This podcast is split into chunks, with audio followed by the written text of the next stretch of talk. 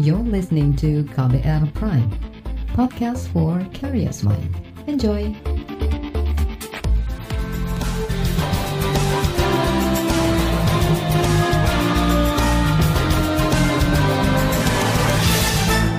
Disiarkan langsung dari studio kantor berita radio di Jakarta, inilah KBR Sore untuk hari ini edisi 12 Oktober 2021, saya Reski Mesanto. Saudara, kembali saya hadir selama kurang lebih 30 menit ke depan dan tentu saja saya siap untuk menjadi teman Anda beraktivitas di sore ini. Sore ini saya mau ajak Anda untuk membahas ajang Pekan Olahraga Nasional atau PON ke-20 Papua yang menjadi klaster penularan COVID-19. Hingga kemarin ada 83 orang positif corona yang kini tengah diisolasi. Penularan virus corona selama PON ke-20 Papua cukup cepat. Sepekan lalu jumlah yang tertular 13 orang kini meningkat hingga 83 orang. Tiga hari lagi pesta olahraga 4 tahunan ini akan selesai. Sebanyak 7.000 lebih atlet harus pulang ke provinsi asal masing-masing. Lantas bagaimana proses pemulangan para kontingen peserta PON ke-20 Papua agar nantinya tidak membawa virus corona ke rumah masing-masing? Bersama saya, Reski Mesanto, kita bahas di KBR Sore. Saudara Kementerian Kesehatan menganalisis penyebab penularan COVID-19 di ajang PON ke-20 Papua. Menurut Menteri Kesehatan Budi Gunadi Sadikin, setidaknya ada dua hal yang menjadi pemicu penularan, yaitu kamar tidur untuk atlet yang dihuni empat orang. Lalu kegiatan makan bersama yang dilakukan para atlet Hingga kemarin ada 83 atlet yang terinfeksi positif virus corona. Puluhan atlet itu berasal dari cabang olahraga judo, panahan, sepatu roda, kriket, dan motocross.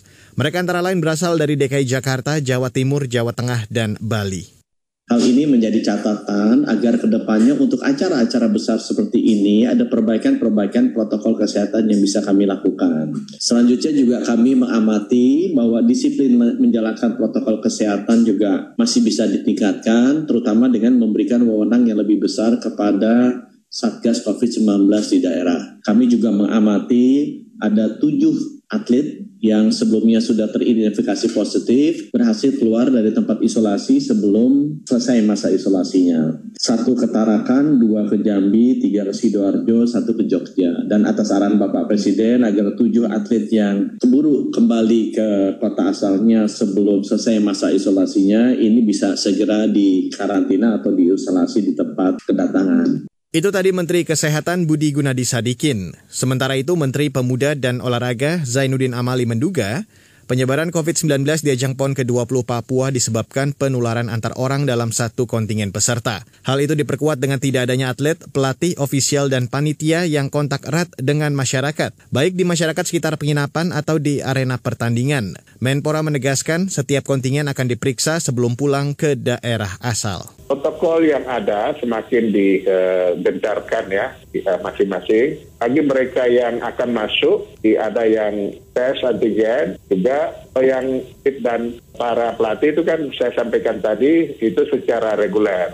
Jadi kelihatan mereka di antara mereka, mereka kan ada di satu satu tim, satu kontingen, satu tempat yang bersamaan. Nah ini yang sedang kita uh, lihat lagi apakah di sana itu memungkinkan ada orang lain bisa datang ke situ. Tetapi dari peninjauan saya di beberapa tempat uh, penginapan itu tidak ada karena dijaga oleh uh, aparat keamanan. Jadi tidak ada masyarakat yang bisa datang ke situ. Ada kecurigaan kami bahwa ini penularan sesama mereka kapan dia terkena ini yang sedang di, di, di, ditelusuri apakah uh, waktu datang itu sebenarnya sudah ada tetapi belum muncul karena uh, belum masa inkubasinya dan uh, setelah dia mau kembali baru ketahuan. Saudara itu tadi Menpora Zainuddin Amali. Komite Penanganan COVID-19 dan Pemulihan Ekonomi Nasional atau KPCPN turut merespon penularan virus di Ajang PON Papua.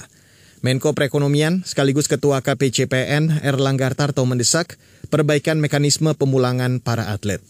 Prosedur karantina akan diberlakukan karantina terpusat setelah tiba di daerah masing-masing. Tentunya sebelum kembali dilakukan uh, PCR dan apabila uh, dikenakan positif maka akan ditreatment di uh, Kota Jayapura, Kabupaten Jayapura, Mimika dan Merauke selama lima hari. Oleh karena itu Dinkes uh, maupun isoter yang ada akan terus dipersiapkan sampai dengan H plus 5. Terkait dengan daerah masing-masing diminta daerah masing-masing untuk uh, mempersiapkan isoter di atau isolasi di wilayah atau di daerah masing-masing dan selama lima hari dan tentunya akan di PCR hari eh, pertama dan hari keempat. Saudara, itu tadi Menko Perekonomian sekaligus Ketua KPCPN Airlangga Hartarto. Dan selanjutnya di KBR sore akan saya hadirkan laporan khas KBR yang kali ini akan membahas tentang pembelajaran pencegahan COVID-19 dari PON Papua. Tetaplah di KBR sore.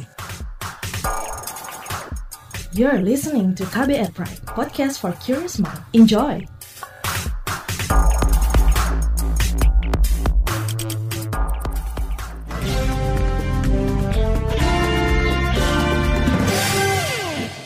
Saudara, Pesta Olahraga PON ke-20 Papua akan berakhir dalam hitungan hari. Selama kegiatan itu, sekitar 80-an orang terpapar COVID-19. Dan kasus ini menjadi pelajaran bagi penyelenggaraan kegiatan berskala besar lain ke depannya. Berikut saya hadirkan laporan khas KBR yang dibacakan Aika Renata. Pekan Olahraga Nasional PON ke-20 Papua merupakan kegiatan berskala besar nasional pertama selama pandemi COVID-19 yang digelar dengan kehadiran penonton. Berbagai aturan ketat sudah dipersiapkan jauh-jauh hari oleh penyelenggara dan pemerintah mulai syarat minimal 70% vaksin dosis pertama untuk daerah penyelenggara hingga wajib vaksin dua kali untuk semua orang yang terlibat, termasuk atlet dan penontonnya. Kegiatan PON Papua ini akan menjadi acuan atau benchmark untuk provinsi-provinsi lain jika ingin menyelenggarakan pertandingan atau kegiatan berskala besar dalam hal penerapan protokol kesehatan COVID-19. Wakil Ketua Komite Penanganan COVID-19 dan Pemulihan Ekonomi Nasional, Luhut Binsar Panjaitan mengatakan, evaluasi pelaksanaan PON Papua penting untuk pembelajaran bagi pemerintah dan penyelenggara kegiatan besar ke depan, baik tingkat nasional maupun internasional. Namun dalam pelaksanaan PON yang masih berlangsung ini, tidak terjadi lonjakan kasus yang cukup signifikan selama acara digelar. Pelaksanaan PON ini akan menjadi pembelajaran untuk pelaksanaan event-event besar lainnya. Sampai hari ini yang terpapar kita ketahui sekitar 80 orang. Dan nanti saya kira akan dijelaskan langkah-langkah yang diambil secara terintegrasi untuk menangani ini. Sehingga kita ke depan juga akan bisa melakukan hal yang sama. Pemerintah telah mengeluarkan surat edaran Satgas nomor 17 tahun 2021 untuk mencegah terjadinya penyebaran kasus setelah kepulangan kontingen dan seluruh panitia ke daerah asal. Badan Nasional Penanggulangan Bencana BNPB juga menilai pelaksanaan PON Papua merupakan momentum pembelajaran penting, terutama bagi daerah yang hendak menyelenggarakan kegiatan yang melibatkan banyak orang seperti olahraga, pariwisata, dan lain-lain. Kepala Pusat Data dan Informasi BNPB Abdul Muhari mengatakan dengan persiapan matang, maka kegiatan berskala besar bisa membantu menggerakkan roda perekonomian dengan dampak seminimal mungkin. Ini sebenarnya uh, merupakan momentum yang mana kita harapkan dari sini kita bisa belajar banyak dari Papua bagaimana melakukan kegiatan yang melibatkan banyak pihak, banyak orang dengan tetap mempertahankan protokol kesehatan yang ketat. Nah ini sejalan seiring dengan penurunan kasus secara nasional hampir di seluruh provinsi yang sekarang kita punya itu uh, tren penurunan kasus kita berharap akan segera pergerakan kegiatan-kegiatan ekonomi mulai bisa dijalankan dengan uh, tentunya protokol kesehatan yang ketat. Nah, di sini tentu saja kita dari sisi komunikasi dan informasi harus bisa menyampaikan kabar ini uh, atau pembelajaran dari Papua ini bagaimana kita bisa menyiapkan satu event. Bukan tidak mungkin uh, ada event-event uh, apakah itu tidak hanya olahraga atau pariwisata di tempat lain setelah PON Papua, Indonesia juga akan mengadakan kegiatan berskala besar bahkan bertaraf internasional. Di antaranya balap motor internasional World Superbike di sirkuit Mandalika Lombok, Nusa Tenggara Barat. Selain itu, juga agenda balap motor MotoGP pada tahun depan di lokasi yang sama. Gubernur NTB Zulkifli Mansyah menyatakan sirkuit Mandalika Lombok sudah siap menyelenggarakan agenda balap internasional pada November mendatang. Jadi ini cara pemerintah pusat untuk men-trigger para wisata. Dan mudah-mudahan dengan pre-season bulan Februari, kemudian nanti November ada World Superbike, kemudian awal November pertengahan ada Asia Talent Cup. Mudah-mudahan ini menggairahkan kembali bukan hanya pariwisata tapi ekonomi secara keseluruhan bukan hanya untuk NTB tapi seluruh Indonesia. Oleh karena itu ini seperti wake up call buat kami untuk uh, berdamai dengan pandemi untuk kemudian kembali pulih seperti sedia kala. Guna mencegah penyebaran COVID-19, pemerintah Provinsi NTB terus menegakkan protokol kesehatan secara ketat dan mempercepat vaksinasi. Targetnya, minimal 70 persen populasi di NTB sudah menerima dosis pertama sebelum balap Superbike digelar. Nah sekarang ini karena kita biasanya penontonnya dalam kondisi normal itu kan ratusan ribu. Apakah hotelnya tersedia? Apakah homestaynya siap? Nah kita ini kan uh, Asia Talents nanti itu kan mini motor GP. Kemudian ada World Superbike. Karena kita masih di tengah pandemi mungkin penontonnya tidak sampai ratusan ya. ribu. Nah kita akan menerapkan protokol kesehatan yang ketat gitu. Semua orang akan dirapit antigen dan kita akan batasi juga. Tidak seratusan ribu tapi kurang dari itu. Nah oleh karena itu kita menjaga betul. Laporan ini disusun Astri Yuwanasari. Saya Aika Renata.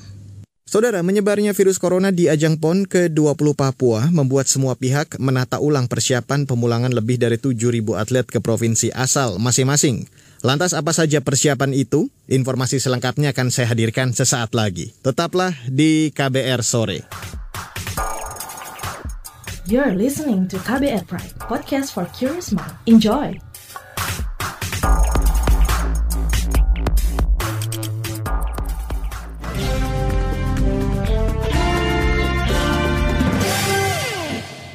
Anda sedang mendengarkan KBR sore. Saudara, Satgas Penanganan COVID-19 Papua mengakui ada beberapa hal yang harus diperbaiki dari penyelenggaraan PON, utamanya terkait pencegahan penularan virus corona. Juru bicara Satgas COVID-19 Papua, Silwanus Sumele, menegaskan perbaikan diperlukan untuk memastikan pelaksanaan PON ke-20 Papua aman hingga kepulangan seluruh kontingen ke daerah masing-masing. Selain itu, ia menyatakan bahwa para atlet dan ofisial yang terinfeksi positif COVID-19 pasti mendapatkan penanganan terbaik. Saya mulai dulu dari aspek medisnya. Pertama, kita harus hati-hati terhadap varian baru. Sehingga pemeriksaan terhadap dengan sequencing genomik itu harus dilakukan. Mengapa? Sejumlah kasus kami mendapatkan city value-nya yang sangat rendah. Hal yang kedua, ini saya pikir akan jadi kerja kita semuanya. Memastikan bahwa atlet yang pulang tidak membawa. Oleh karena itu, kemarin kami sempat berdiskusi dengan teman-teman dari Jawa Timur. Jawa Timur sudah mengambil sikap bahwa sejumlah atletnya mereka akan isolasi dulu sebelum apa berkumpul dengan keluarga. Saya pikir ini pikiran-pikiran yang baik. Yang ketiga, kalau dulu aturan yang mengatakan bahwa kalau Anda tanpa gejala, Anda isolasi kurang lebih sekitar dua minggu sudah bisa melakukan aturan tanpa harus pemeriksaan. Saya pikir dalam kondisi kita saat ini, ketika mereka sudah tidak berikan gejala, tetap harus dilakukan tes ulangan. Dan yang keempat, saya pikir dari aspek medis, yaitu apa melakukan surveillance harus terus dilakukan ini harus menjadi dipantau secara terus-menerus. Jadi kita tidak boleh kendor dalam hal melakukan surveillance. Aspek non medisnya ya yang kita harus adalah vaksinasi ini jangan karena lantaran di Papua sudah dapat 70% untuk tahap pertama, tahap kedua kita lagi turun, ini nggak bisa. Memang ada PR bagi kami. Ini juga betul-betul menjadi PR bagi kami. Mengapa? Total di Provinsi Papua, cakupan imunisasi kita baru 22 persen. Masyarakat datang ke Jayapura berasal dari kabupaten-kabupaten yang cakupan vaksinasinya sekitar bermain di angka 15 sampai 20 dan mereka akan kembali. Kami tidak memas tidak terlalu tahu pasti apakah mereka ini sudah divaksin atau belum. Jangan sampai sesudah pulang ini bisa menimbulkan masalah pada daerah-daerah yang cakupan vaksinasinya itu rendah. Saudara, itu tadi juru bicara Satgas COVID-19 Papua, Silwanus Sumule. Salah satu daerah yang atletnya terinfeksi COVID-19 adalah kontingen PON dari Jawa Tengah. Karena itu Pemprov Jateng menerapkan aturan sendiri untuk mengantisipasi penularan COVID-19, terutama setelah seluruh kontingen kembali dari ajang PON ke-20 Papua. Gubernur Jawa Tengah Ganjar Pranowo menegaskan seluruh kontingen wajib menjalankan karantina saat tiba di Jawa Tengah. Mereka sudah siap, namun kita mesti well prepare ya kepada mereka sehingga kami minta untuk yang sudah di rumah mereka akan kita awasi. Tapi yang kemarin belum, saya sudah komunikasi dengan Koni, Koni saya minta untuk bicara dengan cabur, dan kita sudah menyiapkan tempat isolasinya di apa namanya SDN kita, BPSDM kita yang di mana uh, tempatnya bagus, mereka akan kita siapkan. Saudara itu tadi Gubernur Jawa Tengah Ganjar Pranowo. Sementara itu, sebelum penyelenggaraan PON Papua, sejumlah epidemiolog telah menyarankan berbagai hal untuk mencegah penularan. Kali ini apa masukan mereka kepada pemerintah daerah untuk mengantisipasi penyebaran COVID-19 dari klaster PON? Dan untuk membahasnya, di bagian akhir dari KBR Sore, saya ajak Anda untuk langsung mendengarkan wawancara jurnalis KBR Reski Novianto dengan epidemiolog dari Universitas Erlangga Surabaya, Laura Navika Yamani. Sesaat lagi, tetaplah di KBR Sore. You're listening to KBR Pride, podcast for curious mind. Enjoy!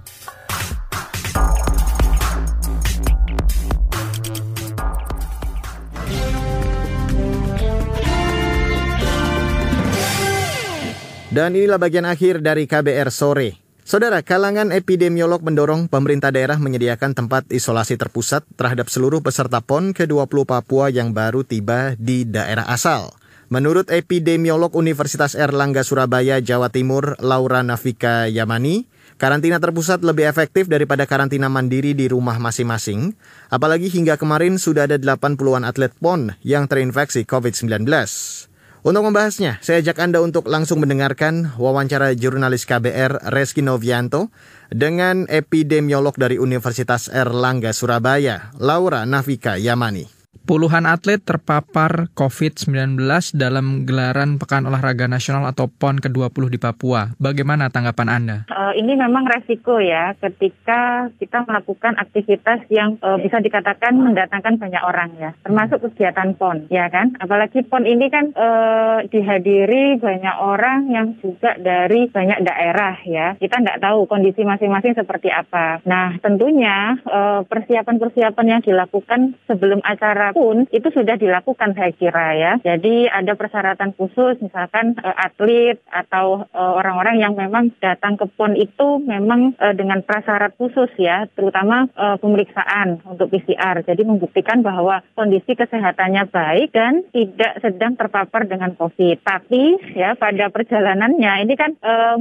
muncul akhirnya ya kasus-kasus positif ya kan. Jadi setelah dilakukan pemeriksaan entah itu dengan gejala ataupun tidak, tapi uh, ya ada yang positif ya kan sampai sekitar 80 orang. Bagaimana antisipasi sebaran COVID-19 pasca PON ke-20 di Papua agar tidak menjadi klaster di provinsi asal? Uh, untuk mengantisipasi ya, ini kan juga akhirnya uh, ketika kegiatannya selesai harus pulang kan ke daerahnya masing-masing. Nah, ini harus ada upaya uh, untuk mencegah ya terjadinya penyebaran ketika mereka kembali ke daerahnya masing-masing ya. Jadi pengetatan itu tidak hanya dilakukan ketika datang ke Papua ya sebelum kegiatan, tapi juga setelah kegiatan karena berkegiatan dengan banyak orang ya e, harus diwajibkan untuk melakukan karantina ya. Jadi baik yang mungkin e, dengan gejala ringan ataupun tanpa gejala ataupun mungkin sudah menunjukkan hasil PCR negatif ya. Tapi kan kita ingin memastikan ya bahwa betul-betul tidak e, sedang terpapar kan seperti itu. Jadi kalau screening sebelum meninggalkan Papua misalkan hasilnya negatif tapi apakah kemudian setelah datang ya di daerahnya itu masih negatif ya? Nah ini perlu di uh, apa lakukan uh, upaya karantina ya. Jadi karantinanya ya sesuai dengan karakteristik virusnya. Jadi paling tidak uh, 8 10 hari ya Karantina seperti apa yang seharusnya dilakukan pemerintah daerah di provinsi asal? Ya, harusnya difasilitasi untuk melakukan karantina yang secara tersentral, terpusat. Jadi, setiap daerah itu kan saya kira juga sudah punya ya tempat-tempat hmm. uh, isolasi uh, secara terpusat ya. Misalkan kalau di Surabaya itu kan ada rumah sakit lapangan ya. Nah, itu bisa digunakan untuk melakukan uh, isolasi mandiri karena uh, ini lebih bisa uh, terkontrol ya. Hmm. Karena situasinya sekarang ini kan mungkin sudah kasusnya menurun ya, jadi tidak banyak orang yang melakukan isolasi mandiri. Nah, yang dikhawatirkan ya mereka tidak uh, konsisten untuk melakukan isolasi mandiri. Jadi tidak diawasi itu jauh lebih sulit ya untuk kita uh, bisa mendeteksi apakah uh, apa proses karantinanya itu sudah dilakukan oleh orang-orang yang datang dari uh, kegiatan PON di Papua, misalkan seperti itu. Jadi tersentral jauh lebih baik karena akan ada pengawasan yang dilakukan secara ketat ya. E, minimal 10 hari melakukan karantina. Saudara itu tadi epidemiolog dari Universitas Erlangga Surabaya, Laura Navika Yamani. Sementara itu hingga pukul 15 sore tadi, Jawa Barat masih memimpin klasmen perolehan pop medali PON ke-20 Papua dengan 98 emas disusul Jawa Timur 85 emas, DKI Jakarta 82 emas, Papua 72 emas, Jawa Tengah 21 emas dan Bali 20 emas. Pada Jumat 15 Oktober nanti, Wakil Presiden Maruf Amin dijadwalkan menutup PON ke-20 Papua di Stadion Lukas NMB, Kampung Harapan, Kabupaten Jayapura. Upacara penutupan sendiri akan dilaksanakan pukul 7 malam waktu Indonesia Timur. Jumlah penari sendiri dibatasi hanya 200 orang. Selebritas lokal dan nasional akan hadir serta pesta kembang api akan jadi pertunjukan menarik. Dan informasi ini sekaligus menutup KBR sore untuk hari ini, 12 Oktober 2021. Terima kasih untuk Anda yang sudah bergabung sore hari ini dan jangan lupa untuk selalu menerapkan protokol kesehatan di mana pun Anda berada. Saya Reski Mesanto mewakili tim redaksi yang bertugas, kami undur diri, salam.